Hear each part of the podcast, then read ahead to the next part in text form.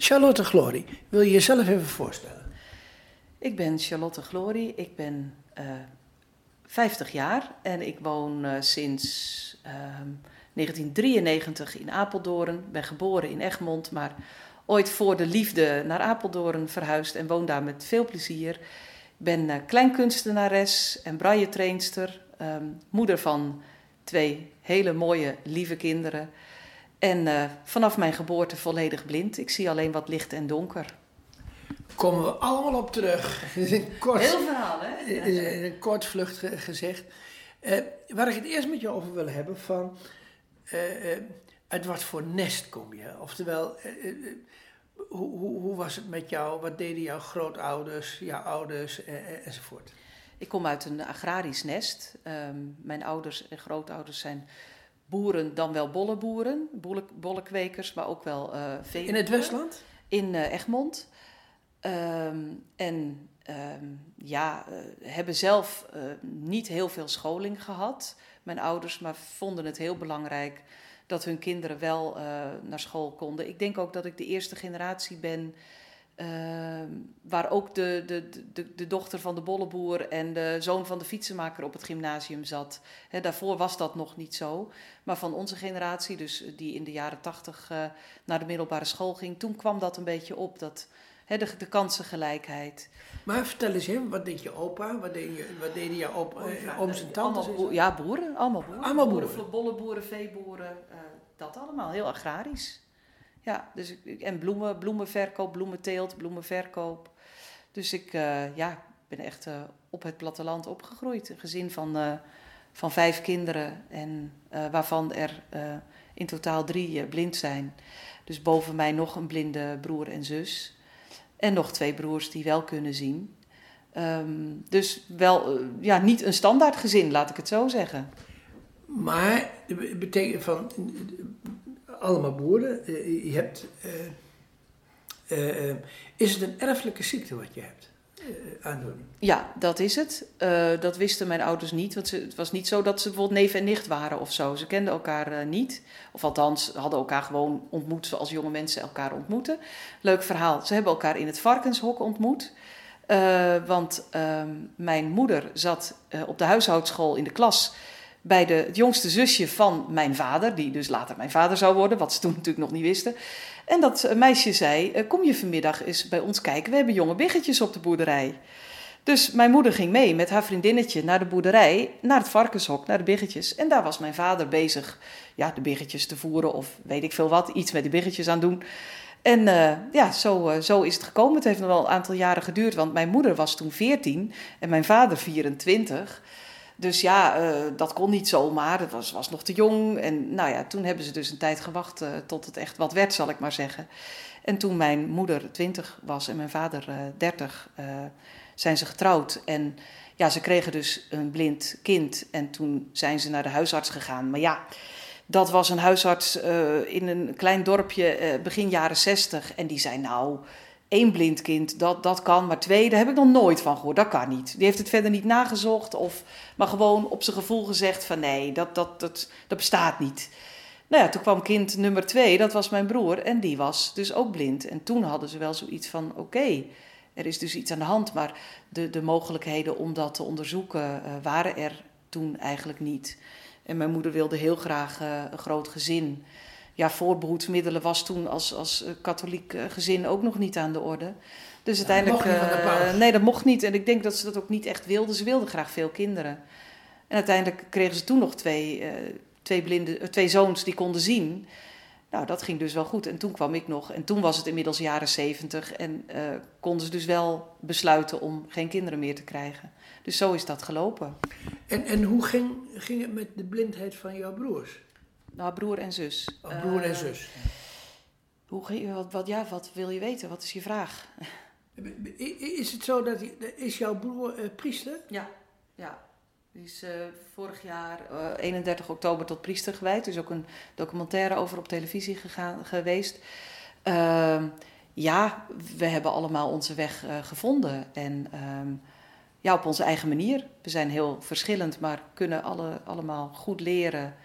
En ja, hebben, hebben sociale vaardigheden. Vooral dat, denk ik, is heel belangrijk om het als blinde ook eh, te redden in, uh, in de wereld. Uh, ja, en dat hebben we gelukkig. Dus ja, mijn zus, die ehm, woont met haar vrouw in Alkmaar.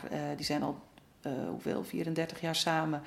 En heeft jarenlang gewerkt en doet nu vrijwilligerswerk heel veel bij slachtofferhulp. En mijn broer is dus priester, wat hij heel mooi vindt om te doen. Uh, ja, en, en wat, ja, ik merk ook dat hij op handen gedragen wordt in, uh, in Opdam, de parochie waar hij priester is. En ik ben dus uh, bezig als artiest en uh, braille trainer. dus ja, zo hebben we. Maar, maar jullie, ge, jullie gezin bewijst wel dat je als blinde goed in de maatschappij kunt staan. Ja, maar wat ik zeg, ik denk dat sociale vaardigheden. ik heb het ooit horen noemen sensitiviteit. Dat je. Um, dat het belangrijk is dat je doorhebt van oké, ik ben blind, maar anderen kunnen zien. Dus er gebeuren soms dingen die ik niet meekrijg, maar daar moet ik dus wel op letten. Bijvoorbeeld iemand kan zomaar weglopen zonder te zeggen dat hij even wegloopt om naar de wc te gaan. Ik vind zelf dat heel veel blinden dat dan niet doorhebben. Die blijven dan heel. Ik vind het, sommige blinden ook bijvoorbeeld heel hard praten. Ja, dan hoor je dus niet wat er om je heen gebeurt. Dat er inderdaad iemand even wegloopt. Of dat. En ik denk dat wij dat dat mijn ouders er ook wel hebben, toe hebben bijgedragen om die sensitiviteit te ontwikkelen. Van, ja, en, en, en, en, in een ziende wereld, dus mensen doen soms dingen. Er is non-verbale communicatie. Uh, mensen doen inderdaad, lopen even weg of lopen even achter je langs om iets te pakken. Of uh, moeten er even langs dat je zegt, oh wacht, ik ga even naar voren, dan kun jij achter me langs. Weet je, dat, het zijn hele kleine dingen, maar ik geloof er zelf heilig in dat dat heel erg helpt om uh, dat mensen voelen van ze zit niet op haar eigen eiland, maar ze heeft door hoe het, hoe het werkt of zo. Maar, maar wat je nou zegt is eigenlijk van als blinde moet je ook rekening houden met de ziende. Heel veel. En ik denk dat wij dat misschien wel te veel hebben moeten doen in onze opvoeding. Mijn moeder eh, was bijvoorbeeld in staat, en dat, dat vind ik best wel heftig, om een, uh, een strijkplank met een hete strijkbout erop in een deuropening te laten staan. Want dan kon ze net, net nog in de zon uh, staan met strijken. Maar dan liep ze ook gerust weg. Ja, dan kwamen wij van buitenaf aan, wisten niet dat dat ding er stond. Ja, had ze zoiets van, ja, moet je maar opletten, weet je wel. Of een pak melk dat open op tafel stond, uh, zonder dop erop en wat je dan omstoten. En ja, dan was het van, ja, kan gebeuren. Dus wij zijn misschien wel tot in het extreme gewend van, oh, ziende kunnen dus zomaar dingen doen. Uh, dus van de ene kant was dat best een harde leerschool, te harde leerschool denk ik wel eens. Van de andere kant denk ik dat het ons wel heel erg bewust heeft gemaakt van oké, dat doen mensen dus. Wij kunnen niet verwachten dat iedereen rekening met ons houdt. Dus ja, het heeft twee kanten eigenlijk. Maar dat is in de blindenwereld, denk men daar vaak wel eens anders over. Hoe dan? Nou, ik, ik maak toch vrij veel blinden mee die eigenlijk verwachten dat de zienden zich maar aanpassen aan de blinden. Ja, uh, dat is op zich ook niet erg, denk ik. Ik denk als je kan aangeven, want dat ben ik nu de laatste tijd eigenlijk ook pas meer gaan doen. Als je kan aangeven, dit vind ik lastig, kun je me daarbij helpen? Of, goh, als jij een pak melk open op tafel laat staan, weet dan dat ik het misschien zou kunnen omgooien. Niet van dat mag jij niet doen, maar wel van wat dingen voor mij betekenen. En ik ben zo ja, bijna gedresseerd in mijn opvoeding dat ik maar rekening moet houden met de ander. Maar ik denk, ja, je kan de ander op zijn minst wel bewust maken van wat dingen voor jou als blinde of slechtziende betekenen. En dan kan die ander daar wel of niet wat mee doen. Maar inderdaad, verwachten dat mensen dat uit zichzelf doen. Ik denk dat je dat niet kan. Dan, dan hoor je wel eens mensen zeggen: Ja, maar ze weten toch dat ik niet kan zien? Dan kunnen ze toch bedenken dat ik dit of dat. Ja, jawel, maar, maar, dat is, maar, dat, maar, maar dat is domme praat. Dat heet, nou ja, domme praat. Nou ja, nee, kijk, als je namelijk, eh, zoals mensen normaal met elkaar omgaan, die houden ook rekening met elkaar. Ja, Tenminste, precies. fatsoenlijke mensen. Ja. En, uh, en, en met een blinde moet je gewoon, gewoon even wat meer met elkaar en wat op een andere manier met elkaar rekening houden. Maar je moet het uitleggen. Je kan niet verwachten dat mensen wel kunnen bedenken wat jij nodig hebt. en dat ben ik dus nu aan het leren om dat op een niet dwingende manier, maar wel aan te geven. Ik vraag, gaf dat vroeger eigenlijk niet aan. Dan had ik zoiets van, nou ja, hè, ik moet me maar aanpassen. En nu zeg ik gewoon van, nou het, ja, het zou heel fijn zijn als je even mee wil lopen of even dat of dat voor me wil zoeken. Of, uh, dat kan ik nu wel Maar, maar gewoon vragen, iets vragen ja. kan natuurlijk altijd. Precies. Van, wil je dit even voor me doen ja. of zoiets? Dat ja. is, is nou, prima? Precies. En dat, maar die tussenweg zoeken is best lastig, denk ik, voor veel mensen. Nou, dan ben ik benieuwd naar van, eh, je komt nu op je vijftigste, kom je er nu mee aan dat je dit moet doen? Het leven begint met 50, hè? Zou het zo zijn? Zou het zo zijn? Ja. ja, maar dat is een hele ontwikkeling, denk ik. Die, mijn moeder had, had natuurlijk vijf kinderen, had het gewoon razend druk. Ik heb heel erg geleerd van bezorg, bezorg mama vooral niet meer last dan nodig is, want ze heeft het al heel zwaar. Dus dat is mij zo ingegoten dat ik dat heel erg gewend ben. Van, ik mag geen last bezorgen. Ik, uh, ik, moet, hè, ik moet het maar zelf doen. Of dan, nou ja, ik mag dat niet vragen. Ja, dat heeft, dat heeft uh, tot 50 jaar geduurd misschien wel. En ik ben er nog mee bezig. Maar ik denk dat ons hele leven een leerschool is. Dat, dat is ook zo. En we gaan het zo meteen even hebben over jouw eerste leerschool op de lagere school enzovoort.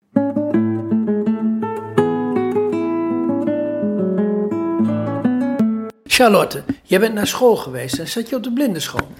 Uh, ik heb de kleuterschool in Egmond uh, gedaan, waar ik dus uh, woonde.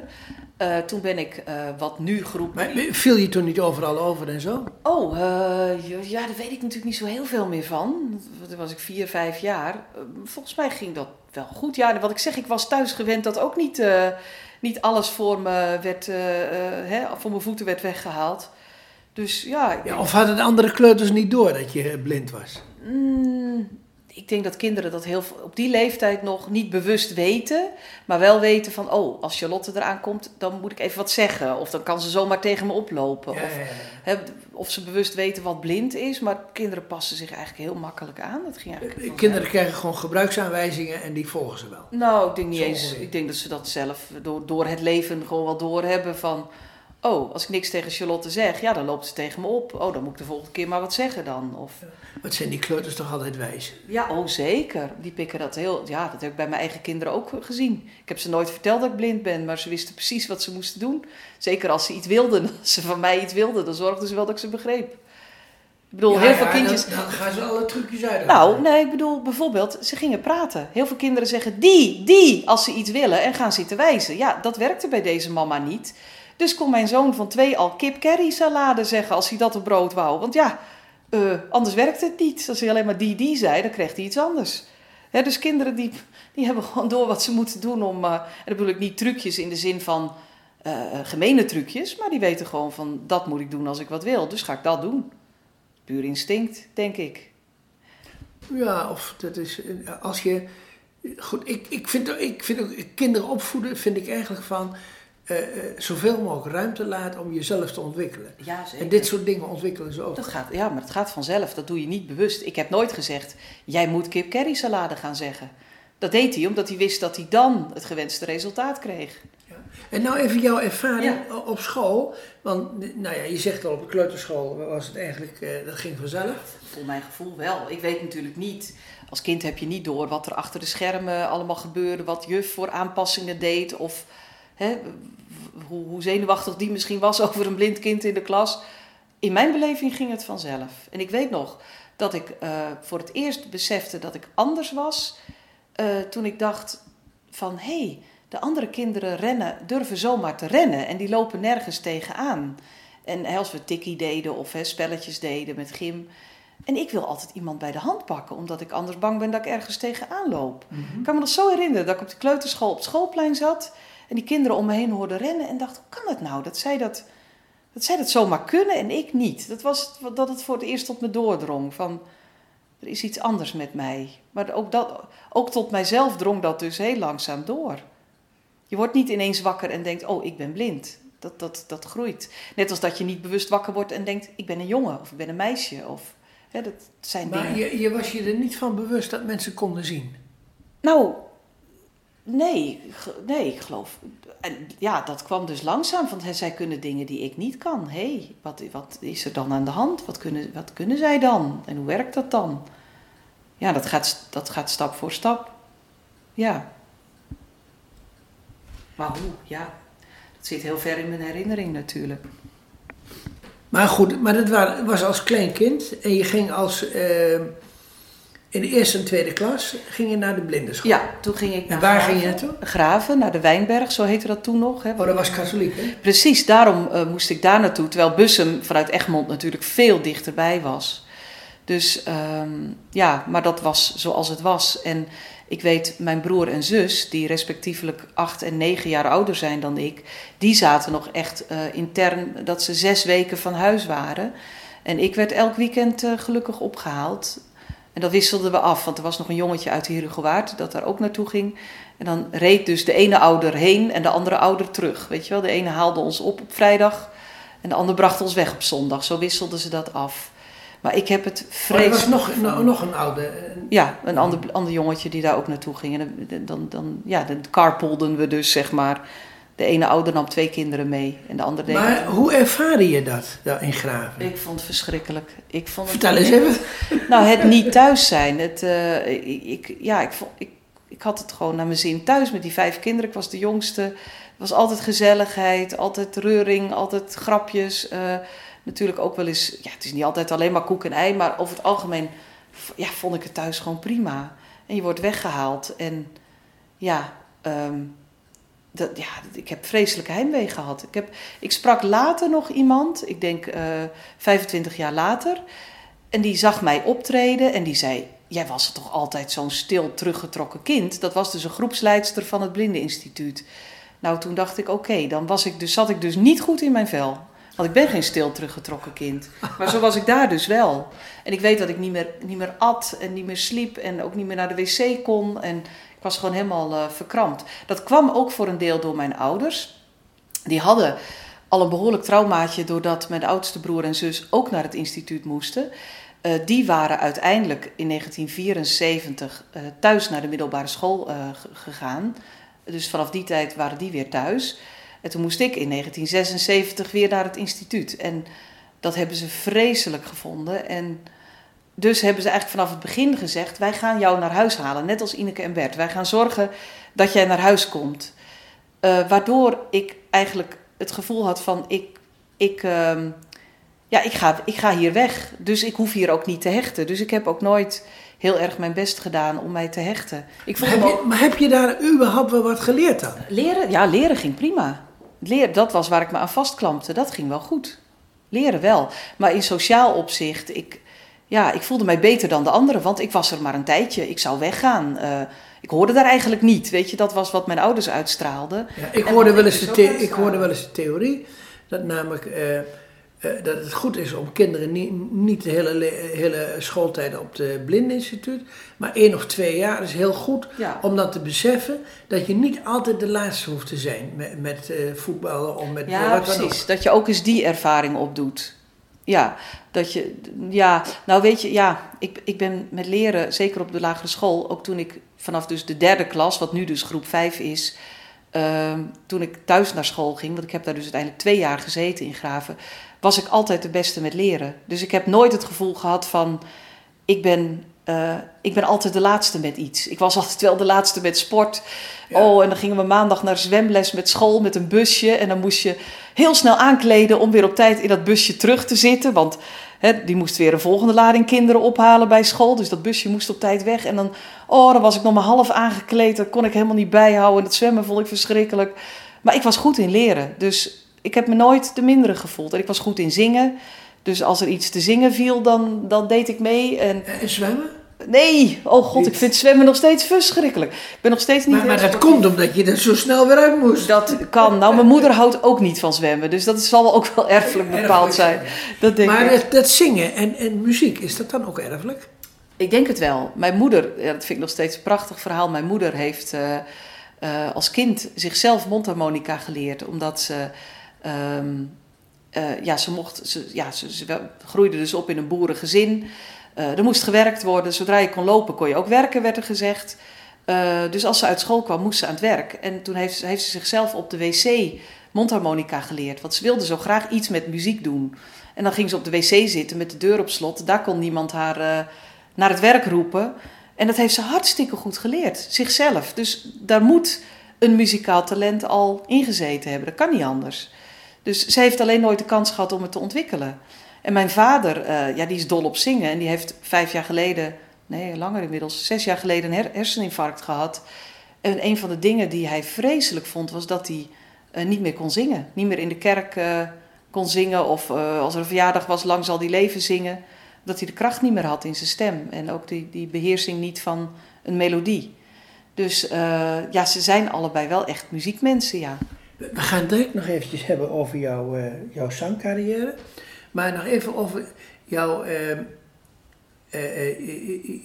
jouw aandoening, jouw leber, heb ik begrepen. Ja, een van de lebers, hè? Er zijn allerlei soorten ja. ziekte van leber. En, en dat is erfelijk. Ja, mijn ouders zijn zonder dat ze het wisten allebei drager van dat gen. En uh, ja, je hebt natuurlijk die, die chromosomenparen, of die, ja, die, die paren chromosomen waar dan een gen op zit. Dus je, zij hebben dan een van die twee van zo'n paar, is dan het foute gen, zeg maar, waar die aandoening in zit. En dan heb je natuurlijk kans van 1 op 4 dat ze allebei het foute gen uh, doorgeven. En dat is bij ons, in, bij ons gezin dus met drie van de vijf kinderen gebeurd. Uh, en ik ben dus sowieso uh, drager en zelfs leider. Dus dan heb je het op beide chromosomen. Dus ik geef altijd ook het dragerschap door, heb ik doorgegeven aan mijn kinderen. Want ik geef dus sowieso altijd een fout gen door, want ik heb alleen maar twee foute genen, zeg maar. Dus uh, mijn kinderen zijn allebei ook drager van die, die ziekte. Maar ja, één op de 60.000 Maar die zijn niet drager. Nee, nee, gelukkig niet. Dus die hebben, het andere gen is goed, zeg maar. Mijn, mijn ex-man heeft ze het goede gen uh, gelukkig doorgegeven. Dat was ook niet uit te zoeken van tevoren. Dus we hadden zoiets van, ja, uh, we willen graag kinderen en uh, we springen gewoon in diepe. Ja, en mijn kinderen, ja, de kans dat ze die, die ene op de 60.000 tegenkomen die net toevallig ook drager daarvan is, ja, is natuurlijk maar heel klein. Oké, okay. Dus gaan we straks over jou, over de muziek hebben.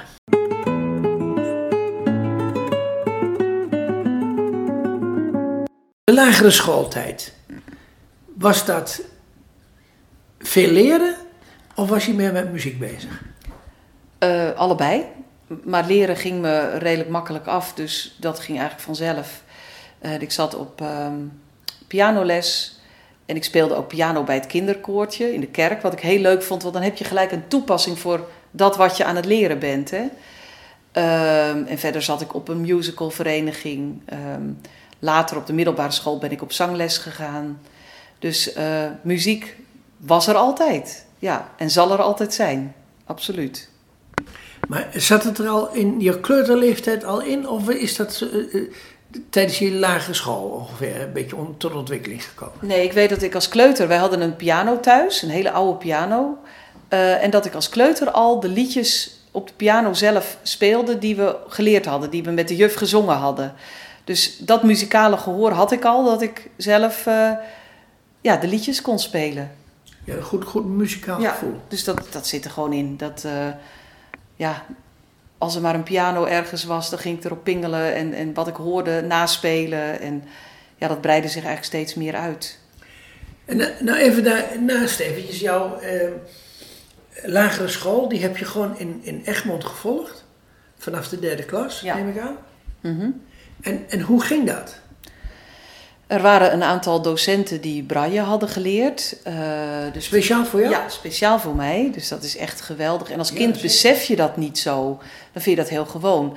En van tevoren is zelfs bijvoorbeeld het ministerie van Huisvesting langs geweest om te kijken of ik wel een eigen kamer had. Ja, waarom weet ik niet, want in die tijd sliepen uh, nog heel veel broertjes en zusjes in die boerengezinnen op kamers samen. Maar ja, als ik dan thuis kwam van het instituut, moest ik een eigen kamer hebben. Dat vond ik natuurlijk geweldig. Er werd speciaal een kamertje voor me gebouwd.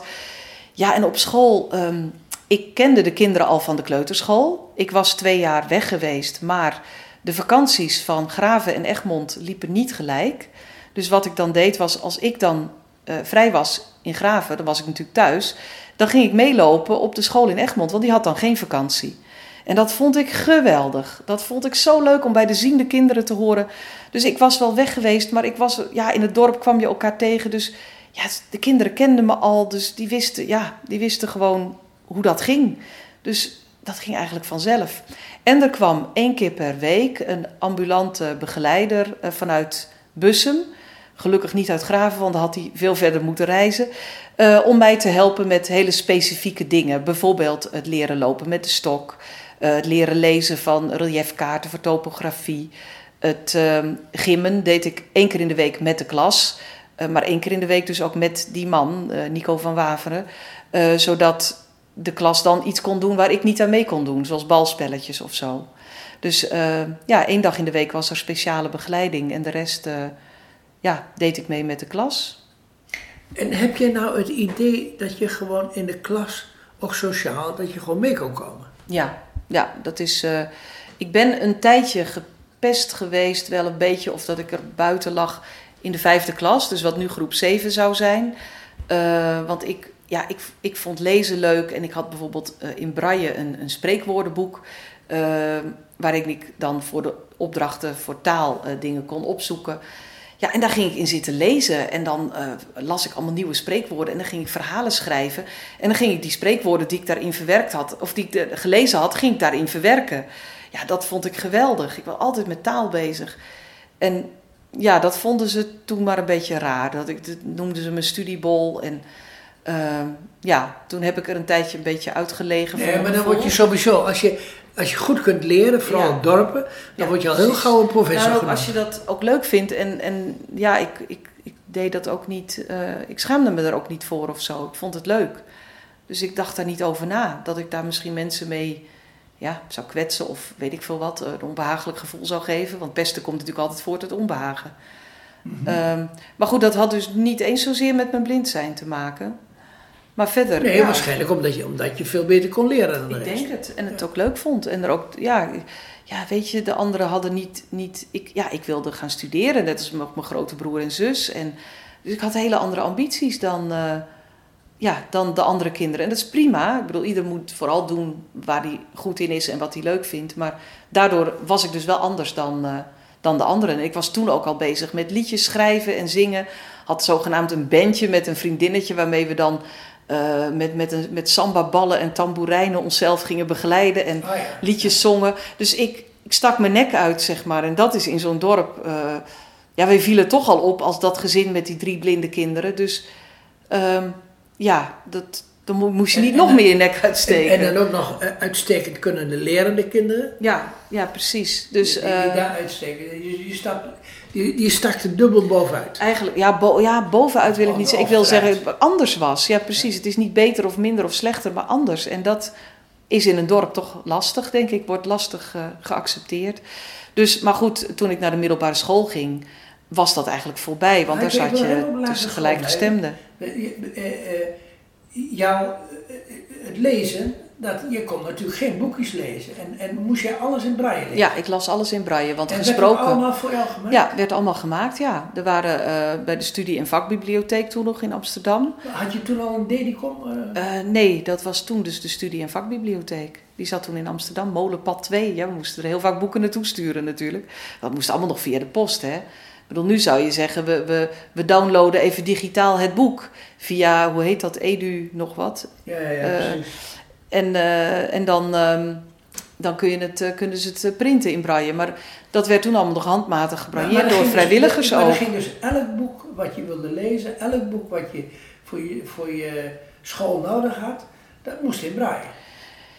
Ja, maar volgens mij was een deel van de boeken er ook wel, omdat die ook eh, op de Wijnberg voor de kinderen daar gebruikt werden. Dus die waren er al wel, volgens mij. Dus, maar inderdaad, en dat werd handmatig gedaan. En er waren ook eh, een aantal vrijwilligsters die vlakbij ons woonden voor ad hoc dingen. Hè? Want er werden ook wel eens, ja, dan had je een project en dan bedacht de meester ineens dat het de hele week over eh, vogels ging, noem maar wat. En die had dan allerlei mooie informatie over vogels opgezocht en daar een boekje van gemaakt. Ja, dat moest dan even ad hoc eh, door een aantal dames die, eh, die dat vrijwillig deden, werd dat dan snel gebrailleerd, zodat ik dat eh, kon gebruiken. Of had je ook mensen in de buurt die, die dingen voor je konden voorlezen? Op de lagere school heb ik eigenlijk nooit met gesproken materiaal gebruik, gewerkt. Nee, want weet je, ja, je doet nog zoveel klassikaal. En als jij dan, of ja, een, een, een recorder, eh, dan moet je bijna oordopjes in doen om, om de anderen niet te storen. Maar dan hoor je de meester weer niet, of de juf. Dus nee, dat was eigenlijk toen nog niet aan de orde. Op de middelbare school eigenlijk ook niet. Ik ben pas met gesproken informatie begonnen toen ik ging studeren. Omdat je toen meer zelf moest doen en minder in de klas. Heb jij nog iets bijzonders over de lagere school? Anders gaan we een, een, een trapje hoger. Het lijkt me goed om dat trapje hoger Eh, te gaan. eh, ehm, maar je, je was dus zo goed op de lagere school dat je in ieder geval eh, naar het VWO ging. Ja, ja, dat klopt. Ja.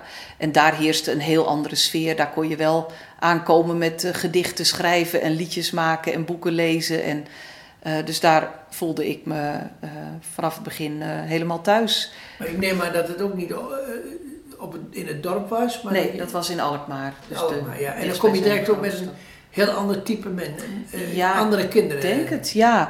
En het scheelde dat op die school hadden mijn broer en zus ook al gezeten. Dus ze waren al gewend uh, met blinde leerlingen om te gaan. Er waren al een aantal docenten die voor hen braille hadden geleerd. Dus ja, de, ook, ook die overgang ging eigenlijk heel, heel makkelijk. En wat ik het meest lastige vond was de mobiliteit. Niet het, niet het sociale aspect, niet het leren, maar de weg vinden overal in die school.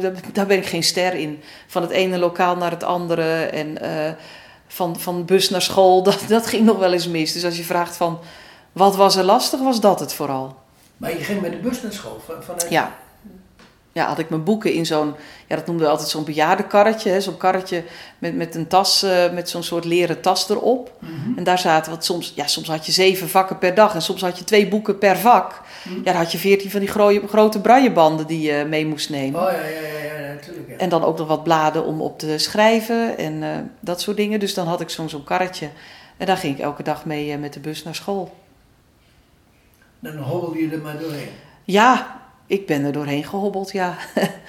ja, en dat, ja, dat ging eigenlijk heel goed ook. En, en waar lagen jouw interesses toen?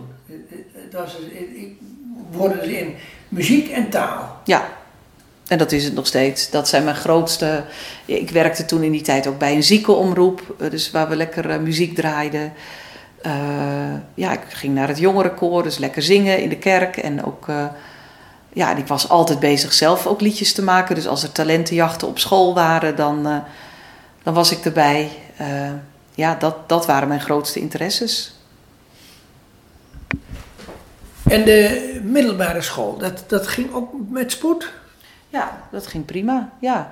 Ik heb ook nooit, uh, want je hoort toch heel vaak van, van kinderen die dan in de puberteit gepest worden, want dan is anders zijn.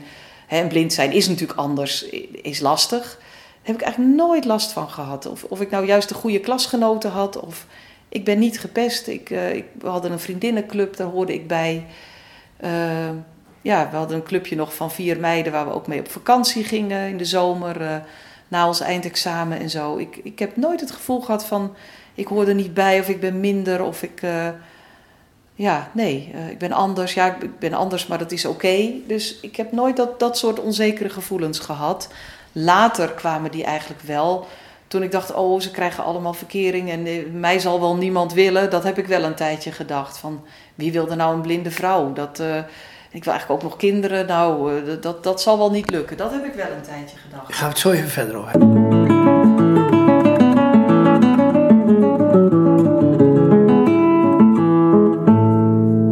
Verliefd worden is toch gelukt? Ja, dat gaat meestal vanzelf, hè? nou ja, maar we hadden het er net over dat je er toch wel uh, een beetje zorgen over maakte. Ja, terwijl ik op mijn zestiende, van mijn zestiende tot mijn achttiende ook al een vriendje had gehad. Wat uiteindelijk uitgegaan is toen ik ne Nederlands ging studeren. En ja, uh, veel meer een, een, eigen leven kreeg. En nou ja, dat werkte allemaal niet meer. Goed. Je hebt Nederlands gestudeerd, je ja. bent getrouwd, je hebt kinderen gekregen. Ja. En... Uh, nou, en ik hoorde al wel een uh, best een gelukkig gezin.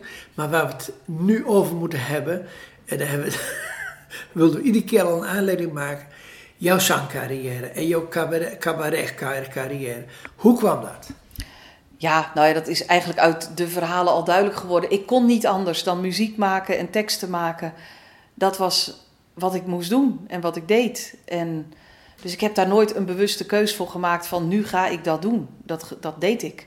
En toen is het eigenlijk gaan rollen toen mijn zus mij wees op een programma Levenslief en Levensleed.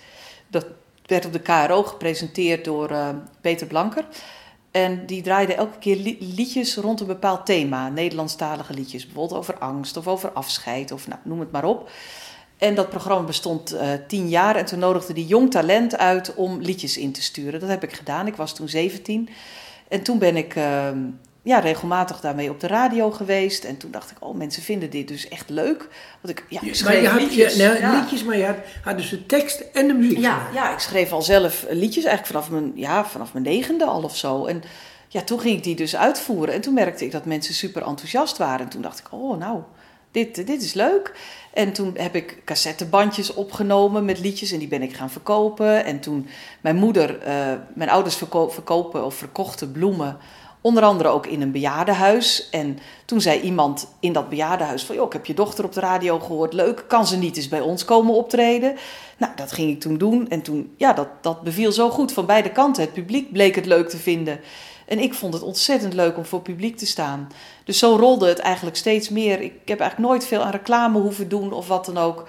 Eh, het is mond-op-mond reclame. De een hoort ervan en vertelt het weer aan de ander. En ja, zo, zo is het eigenlijk doorgerold. Ik heb ook nooit de ambitie gehad om, zoals bijvoorbeeld Brigitte Kaandorp, een programma te maken. Echt een programma met een kop en een staart.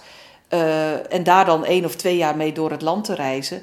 Ik vind juist die gelegenheidsoptredens heel leuk. Van, eh, nou, ik heb bijvoorbeeld in het Schild in Wolfhezen, misschien bij sommigen bekend, die hadden een lentefeest eh, afgelopen mei.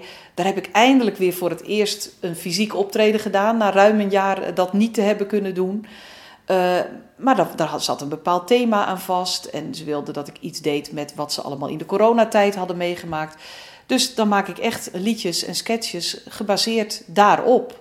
En dat doe ik dus heel vaak. Dus het is niet een standaard programma van, nou, dat doe ik. En een jaar later ga ik weer wat anders doen. Het, het, het fluctueert. Dus ik heb een aantal eh, liederen die ik vaak doe. Maar ook liederen die ik dan weer eens onder het stof vandaan haal. Zo van, hé, hey, die past nu hierbij. Of, Ja, en ik wou het even hebben over je, want jij, jij bent behoorlijk spottend naar de blinden toe. Mm, nou, misschien wel meer naar de ziende. Oké. Ja, want als, als ik bijvoorbeeld denk aan het lied Pissig over hoe ik als blinde op het toilet mijn weg moet zoeken. Ik vind dat dat meer zegt over hoe de zienden het voor elkaar krijgen om het zo moeilijk voor ons te maken. Snap je? Dus dan spot ik ook wel een beetje met mezelf van, oh, daar sta ik te hannissen. Maar het, het zegt natuurlijk ook iets over, eh, ja, hoe het... Het zegt over beide. Ja, ja. Maar, maar eh, wat ik altijd zo'n heel leuk nummer, num- nummer vond, dat was over het, eh, eh, eh, eh, hoe heet dat, de, de woningbouwvereniging. ja, oké. Was dat een eigen ervaring? Nee, dat, dat heb ik ooit geschreven voor een woningbouwvereniging die 25 jaar bestond. En die iets wilde met het thema doelgroepenbouw. Omdat dat steeds meer in zwang komt. Hè? Dat je voor speciale groepen iets gaat bouwen. Voor ouderen, voor jongeren, voor gehandicapten, voor verzin het maar. Dus dat heb ik eh, extreem doorgetrokken. Zo van, dan gaan we doen alsof we een blindenwijk gaan bouwen. En hoe zou dat dan gaan? Ja, en is dat dan spotten met de blinden? Of is dat spotten met het idee van de doelgroepenbouw? Ja, maar Dat laatste, denk ja, maar, ik. Ja, maar, ja, Ja, ja, ja nee, dat het nee, dus nee. niet werkt. Of niet op die manier althans. Nou nee, maar jij hebt daar gewoon hele leuke vondsten in gezet. Ja, van zeker. eh, eh, de kinderen in, in, in, de, in het In hondenhok. het hondenhok, ja, want er is geen, er is geen, eh, ja, er is niet, geen rekening gehouden met kinderen in de huisvesting. Want blinden krijgen natuurlijk geen kinderen. Nee, maar je hebt heel subtiel Ja, eh, eh, eh, de betutteling ja, aangegeven. ja, precies. Dus dan spot ik eigenlijk met de betutteling door de ziende van de blinden. Ja, Ja, dat, dat vind ik een leuk onderwerp. ja, Ja. Maar, en dat is goed gelukt, lijkt me. Nou, dankjewel. Maar en nu heb je, nu het weer kan. Als het weer kan. Of als het weer kan. Ja, ja, precies. Dat is mijn en wat vierde kan er album. weer? Er kan eh, nu eh, gelukkig weer wat meer, maar toen ik het album opnam, kon er nog niks. Dus daarom heet het ook Als het weer kan. Want Dat- het gaat over het ver- maken, Ja, het gaat over het verlangen naar alles weer kunnen eh, wat, er, wat er altijd kon. En om, ik had dat lied geschreven, toen was de cd eigenlijk al klaar.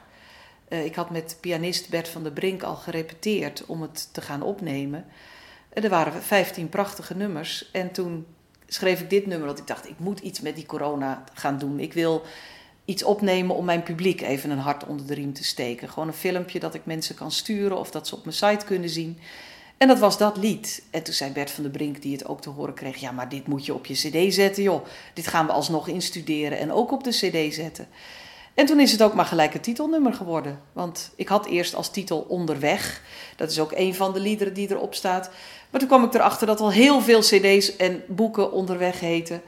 Toen dacht ik, dan is als het weer kan. Dat maakt wel meteen duidelijk in welke tijd het eh, is gemaakt. Dus dat vond ik er ook wel leuk aan. Eh, wat dat betreft een hele plastische, hele goede titel. Ja, ja, precies. En het is ook een kreet die iedereen heel vaak zegt. Ja, nee, dat gaan we doen als het weer kan. Dus het is zo typerend.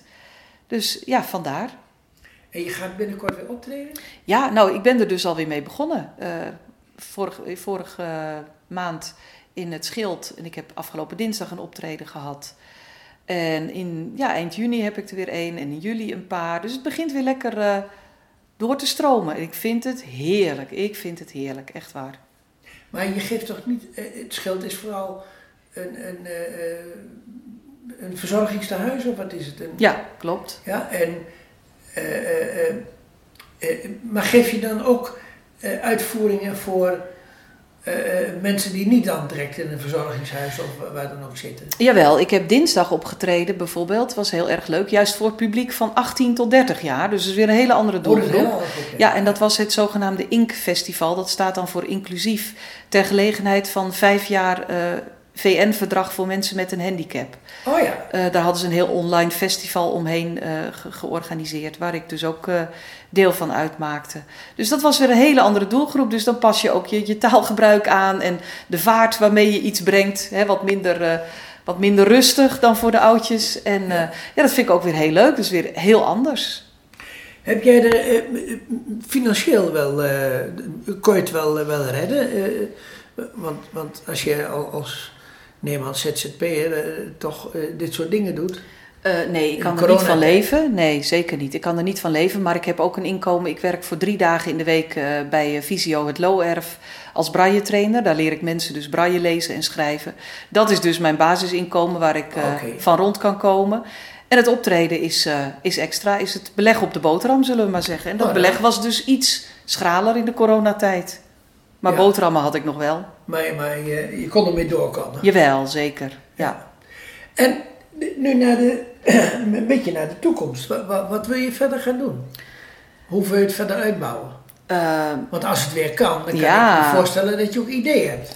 Nou, ik, ik moet eerlijk zeggen dat ik niet, niet heel concreet ideeën heb van dat ga ik dan doen wat ik van de coronatijd heb geleerd, is wel dat dat online optreden ook wel een mogelijkheid is. Dus daar wil ik wel meer mee gaan doen. Dat als ik optreed, dat ik ervoor zorg dat dat ook online voor mensen terug te kijken is. ook al ben ik live op een locatie. Mhm. Dus dat is wel iets waar ik me meer uh, in wil gaan verdiepen, hoe ik dat kan doen.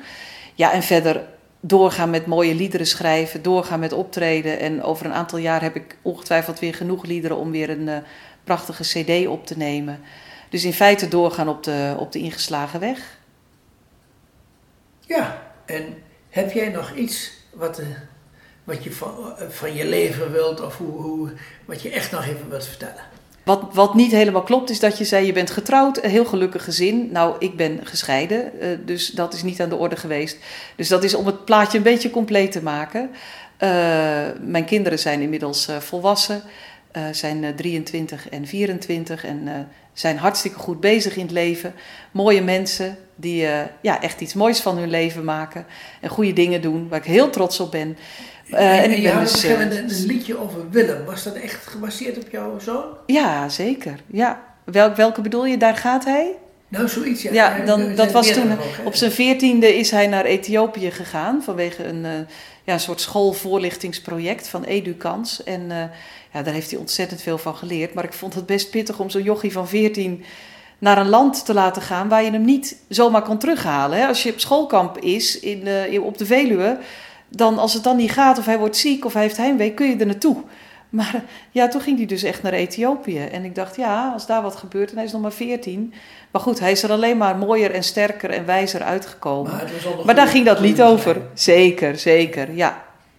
Nou, ik geloof dat we nou een heel mooi beeld hebben van jou. We hebben echt een gesprek van gemaakt. Ik heb nog niet verteld dat ik een hele lieve vriend heb, nu alweer uh, vijf jaar. Dat moet er dan ook nog bij, hè? vind ja, ik ook belangrijk. Eindigen dat is dan al, eind goed, al goed. Met lieve vriend. En het leuke is dat hij onder mij woont. Wij zijn buren. Dus uh, oh, wij hebben een Ja, het lijkt... Uh, de, de, de, hoe heet dat?